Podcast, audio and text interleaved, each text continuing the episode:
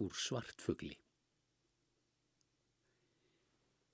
Fáum vikum af sumri veit ég því eftirtækt að Monsjör Jón Pálsson satt sig ekki úr færi að sækja kirkju hvern dag sem messað var, en fremur að hann bar þungan niðri. Tíðrætt við mig um annaðin veiði og veðurfar varð honum ekki, nýja heldur mér við hann.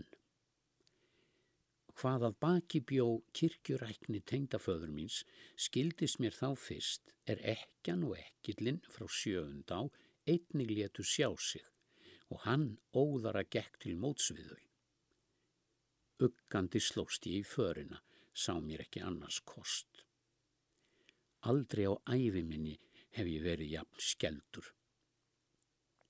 Hæglætis maðurinn Monsir Jón sem ég engum hefði kynst við að vera giftur dóttur hans þessa mánuði var sá sem ég síst vildi klóast við.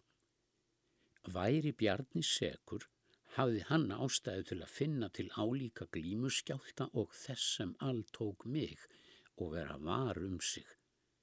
Enda varðan fendri slegin er hann sá hrefstjóra nálgast. Brotafletirnir í augunum bláu runnu saman í myrkur merlaða heilt. Steinun virtan fyrir sér andartak, hleyfti í brúnir ofurlítið undrandi, önnur breyting á framferði hennar var ekki sínileg. Monsiur Jón heilsaði hvorugu þeirra einu orði, létt næja að líta hvast á steinunni, sneri sér að bjarna.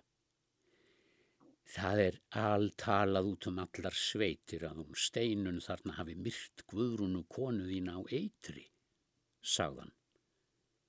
Bjarni kýmdi við en brosið brást honum. Orðin flæktust fyrir honum í fátinu sem á hann kom. Allir fólk segi þá ekki líka að ég hafi verið í vitorði með henni? Reyndana slæfa ásökunina með ótíma bæri gletni.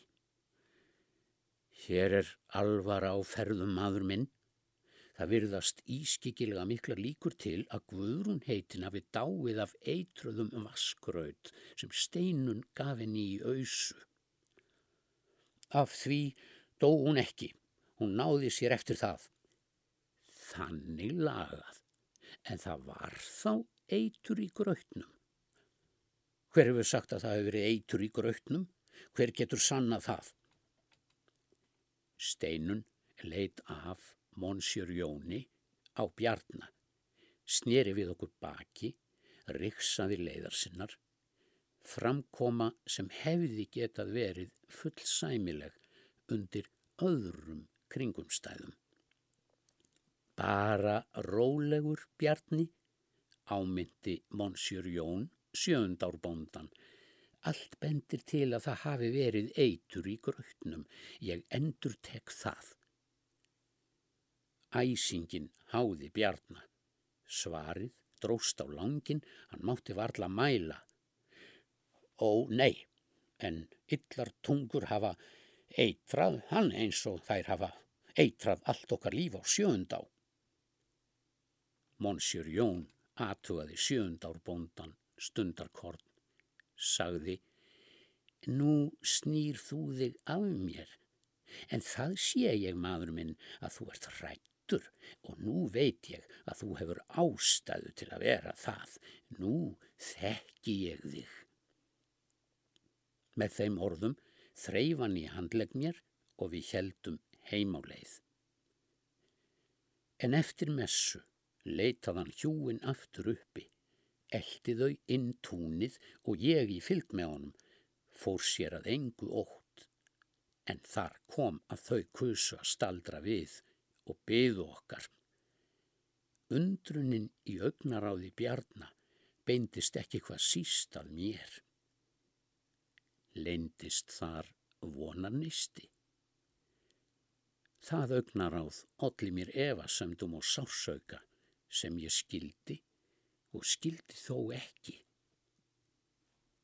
Monsir Jón gekk fast að þeim bjarna á steinunni, þreif til þeirra sinni hendinni í hvort, þagði stundarkorn, sagði að lokum að láratta svo orðin urðu naumast greind.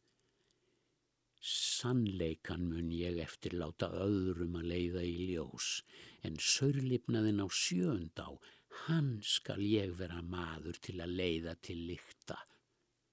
Leta þau vita og hratt þeim samstundis frá sér. Á heimleiðinni var mér litið um öxl. Þau bjarni og steinun stóðu í sömu sporum, hvort anspænis öðru, engu líkara en þau stæðu sitt hverju megin við opna gröf.